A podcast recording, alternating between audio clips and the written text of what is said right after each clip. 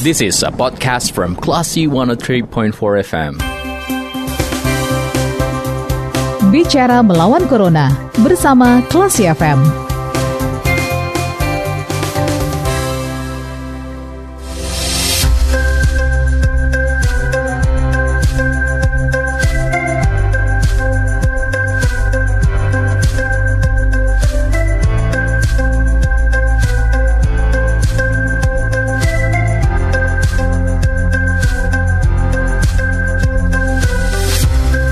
Keempat Kelas FM bersama kita lawan Corona. Kelas People saatnya Anda mencermati program Bicara Melawan Corona bersama saya Radi Pranata. Dan hari ini kita akan ngobrol bersama dengan Kode Pengawasan Bawaslu Sumatera Barat. Ada Bapak Fifnar yang sudah tersambung via telepon hari ini. Kita sapa dulu. Assalamualaikum Pak Fifnar. Waalaikumsalam Mas. Hari ini kabarnya sehat Pak? Iya. Alhamdulillah. Uh, Sehat ya Pak ya. Nah ini berkaitan dengan masa kampanye calon kepala daerah yang sudah dimulai Pak dan ada semacam kekhawatiran untuk uh, apakah ini akan menjadi resiko untuk menjadi klaster berikutnya di masa pandemi seperti sekarang. Tapi saya pengen ke pertanyaan pertama dulu nih Pak Fifner mengenai hasil pantauan selama masa kampanye calon kepala daerah di Sumatera Barat bagaimana Pak? Baik terima kasih Mas. Um, pertama bahwa uh, pelaksanaan kampanye sudah dilaksanakan lebih kurang selama 10 hari ya. Hmm. Dan uh, dari pantauan kami memang uh, kita temukan berbagai pelanggaran dalam pelaksanaan uh, kampanye yang dilakukan oleh hmm. sang calon baik itu calon gubernur maupun calon uh, bupati wali kota di hmm. provinsi Sumatera Barat. Nah, untuk hal ini teman-teman kami telah melakukan langkah hmm. yang sesuai dengan ketentuan perundang-undangan uh, menyikapi dan melakukan penindakan terhadap potensi pelanggaran yang dilakukan oleh uh, para tim kampanye atau pesan calon yang melakukan kegiatan kampanye hmm. di seluruh wilayah Sumatera Barat ini. Begitu, Mas. Oke. Okay. Nah, kalau dari temuan-temuan uh, yang ditemukan oleh Bawaslu Sumbar tadi, uh, Pak Fifner apa saja mungkin bentuknya? Um, sampai hari masih hari ini masih dalam uh, konteks pelanggaran protokol kesehatan ya, okay. protokol kesehatan hmm. terus uh, kegiatan kampanye uh, tanpa ada uh, STTP yang dikeluarkan oleh pihak kepolisian. Hmm.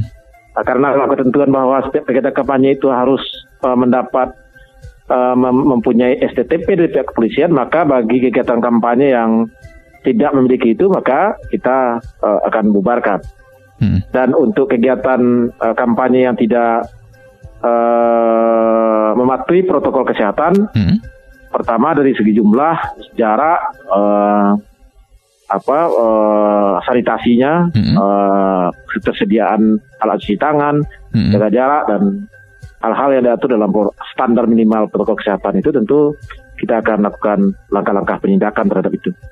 Oke, kemudian uh, Pak dari laporan Bawaslu di uh, kabupaten kota mungkin juga Pak daerah mana mungkin yang paling banyak melaporkan adanya pelanggaran kampanye ini Pak? Di Sumatera Barat itu kita temukan uh. ada 13 kasus yang kita bubarkan ya, di antara puluhan kasus yang mm -hmm. melanggar. Cuman yang sampai kita lakukan penindakan kita bubarkan itu ada 13 uh, kejadian. Yeah. Ada di uh, Agam 6 kasus, terus mm -hmm. di beberapa kabupaten kota 50 kota, Padang Pariaman uh, dan beberapa kabupaten kota lain yang juga kita bubarkan. Oke, okay. uh, kalau boleh tahu Pak Fikar yang dimaksud dibubarkan ini maksudnya seperti apa nih Pak? Ya kegiatan kampanye kita hentikan. Kegiatan kampanye dihentikan ya. Uh -huh. Ya. Itu dikarenakan protokol kesehatan yang tidak dipatuhi atau bagaimana? Uh, uh, rata-rata mereka tidak memiliki SCTP. Hmm, okay. Jadi tahu-tahu mengumpulkan orang, terus disamperin oleh petugas kami, hmm. menanyakan uh, izin dan surat tanda hmm. terima pemberitahuan dari pihak kepolisian mereka tidak miliki ya kita minta untuk bubar. Hmm. Oke. Okay. Hmm, hmm. Nah, memang tidak boleh untuk melakukan kegiatan kampanye. Berarti ini kan uh, bukan uh, kali pertama juga dilakukan hal seperti itu ya Pak ya? Apakah akan uh, Oh, udah udah ini standar standar baku standar ya. Kalau seperti itu. kegiatan hmm. kegiatan hmm. kampanye itu wajib hukumnya memiliki STTP. Oke. Okay. Maka kalau tidak punya itu ya kita bubarkan. Tapi ada nggak Pak? Mungkin pasangan calon mungkin uh, yang yang membandel begitu ya Pak yang masih mengadakan hal seperti itu padahal tidak melengkapi yang tadi uh, Pak Fifner bilang. Masih saja Mas. Masih ada itu beberapa. Masih saja terjadi. Hmm. Uh, mereka tahu-tahu karena karena sekarang tidak boleh melakukan kegiatan rapor umum, hmm? turun ke lapangan, tahu-tahu mengumpulkan orang, 15 orang, eh, 50 eh, orang, hmm. atau mendekati jumlah 50 melakukan kegiatan kampanye, hmm? karena sifatnya dadakan ya mereka yeah. uh. langsung saja. Dan ketika ini diketahui oleh teman eh, teman-teman kami di lapangan ya, hmm. kita minta untuk kita uh, teman-teman kami meminta untuk membubarkan diri. Dibubarkan ya Pak. Ya? Iya. Oke, okay. berarti kan ada semacam uh, pelanggaran yang pertama dilakukan oleh uh, pasangan yeah. calon, ada juga yang yeah. mungkin iya. beberapa kali nih Pak. Nah untuk konsekuensi masing-masingnya bagaimana nih Pak Fikar? Yang pasti kalau untuk kegiatan kampanye yang melanggar ini, hmm. kalau persoalan protokol kesehatan dan apa eh, protokol eh, apa namanya uh, tidak memiliki STP ini masih hmm. sanksinya administratif ya, administratif. Okay. Tapi kalau hmm protokol kesehatan yang mereka langgar, kita langkah awalnya itu kita berikan surat peringatan, surat, surat peringatan, peringatan kemudian okay. kalau memang mereka masih ngeyel um, tetap melanggar protokol kesehatan, maka kita kita lakukan langkah-langkah berikutnya, bisa saja kita uh, kita teruskan ke pihak kepolisian untuk, hmm. untuk dipidanakan kan, hmm. karena okay. melanggar undang-undang kekarantinaan, undang-undang penanggulangan wabah dan lain-lain ya. Artinya kalau untuk uh, kejadian misalnya tidak mematuhi protokol kesehatan ini bisa ada konsekuensi pidananya ya? Pak Biver? Bisa, bisa, bisa. Kita kita serahkan ke pihak kepolisian, kita laporkan ke pihak kepolisian bahwa hmm. mereka melanggar undang-undang kekarantinaan kan, undang-undang okay. penanggulangan penyakit wabah. Apalagi hmm. sekarang udah perda, kita udah punya perda nomor 6 kan, hmm, iya, iya. di Provinsi Sumatera Barat. Hmm. Maka semakin mudah kita melakukan penindakan. Hmm, baik. Dan dan di, di di wilayah provinsi itu kita kan sudah punya poja hmm. penegakan ini, penegakan uh, protokol COVID ini. Baik. Nah, kalau tadi Pak Fifri bilang kalau untuk STTP itu kan uh, pelanggarannya uh, uh, di di tertibkan hanya uh, administratif gitu ya, Pak ya. ya. Kalau terjadi pengulangan misalnya ini, Pak. Bagaimana? Uh, kita tidak punya catatan orang yang hari ini melakukan apa, orang hmm. yang melakukan itu orang itu lagi yang melakukan pengulangan. Hmm. Saya tidak tahu, tidak punya catatan persis, tapi kejadiannya terus terjadi. Oh, Oke. Okay. Uh, terus terjadi uh, gitu. Uh. Uh, hari ini sudah kita bubarkan, besoknya ada lagi mungkin paslon lain atau mungkin paslon itu juga melakukan uh, tindakan yang sama. Hmm. Uh, ya, mel melakukan kegiatan kampanye tiba-tiba saja kemudian tanpa ada STP ya kita mau tambahkan kalau teman-teman kita tahu di lapangan ya kita bubarkan. Oke, baik.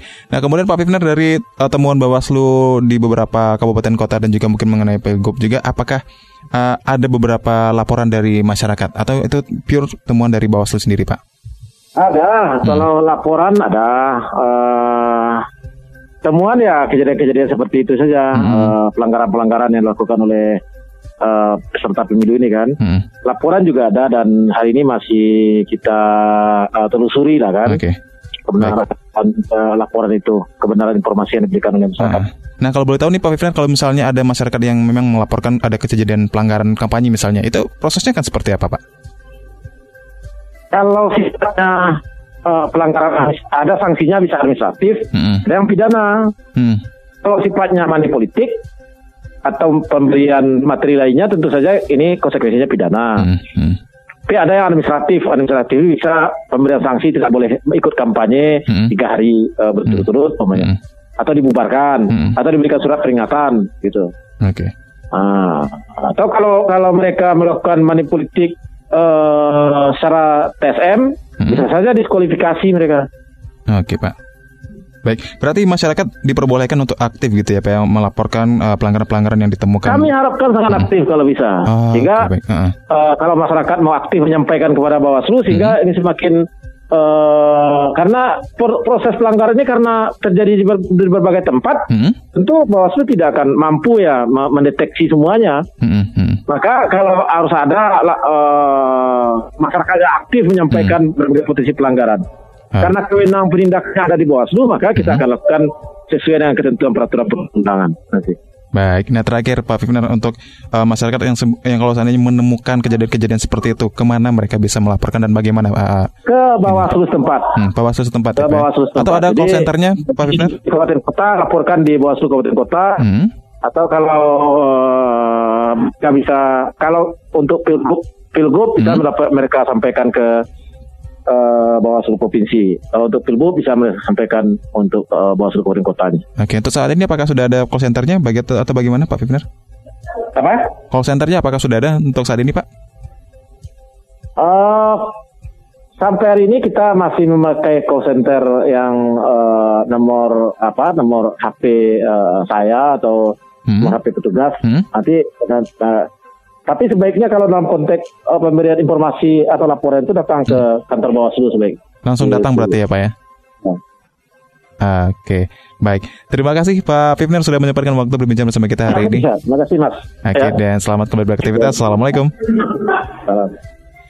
Baik, kita di kelas Popol obrolan kita bersama dengan Kodim Pengawasan Bawaslu Sumatera Barat ada Bapak Fifner yang mengenai uh, masa kampanye calon kepala daerah yang dikhawatirkan ini bisa menjadi klaster berikutnya dan uh, bagaimana juga temuan-temuan dari Bawaslu mengenai pelanggaran selama masa kampanye ini. Kalau begitu saatnya saya Radi Pranata pamit di program Bicara Melawan Corona. Anda juga bisa mencermati program ini di podcast Kelas FM yang bisa Anda cermati di kelasfm.co.id. Terima kasih. Anda sudah mencermati program Bicara Melawan Corona bersama Klasi FM. Tetap waspada, bersama kita lawan Corona. This is a podcast from Classy 103.4 FM.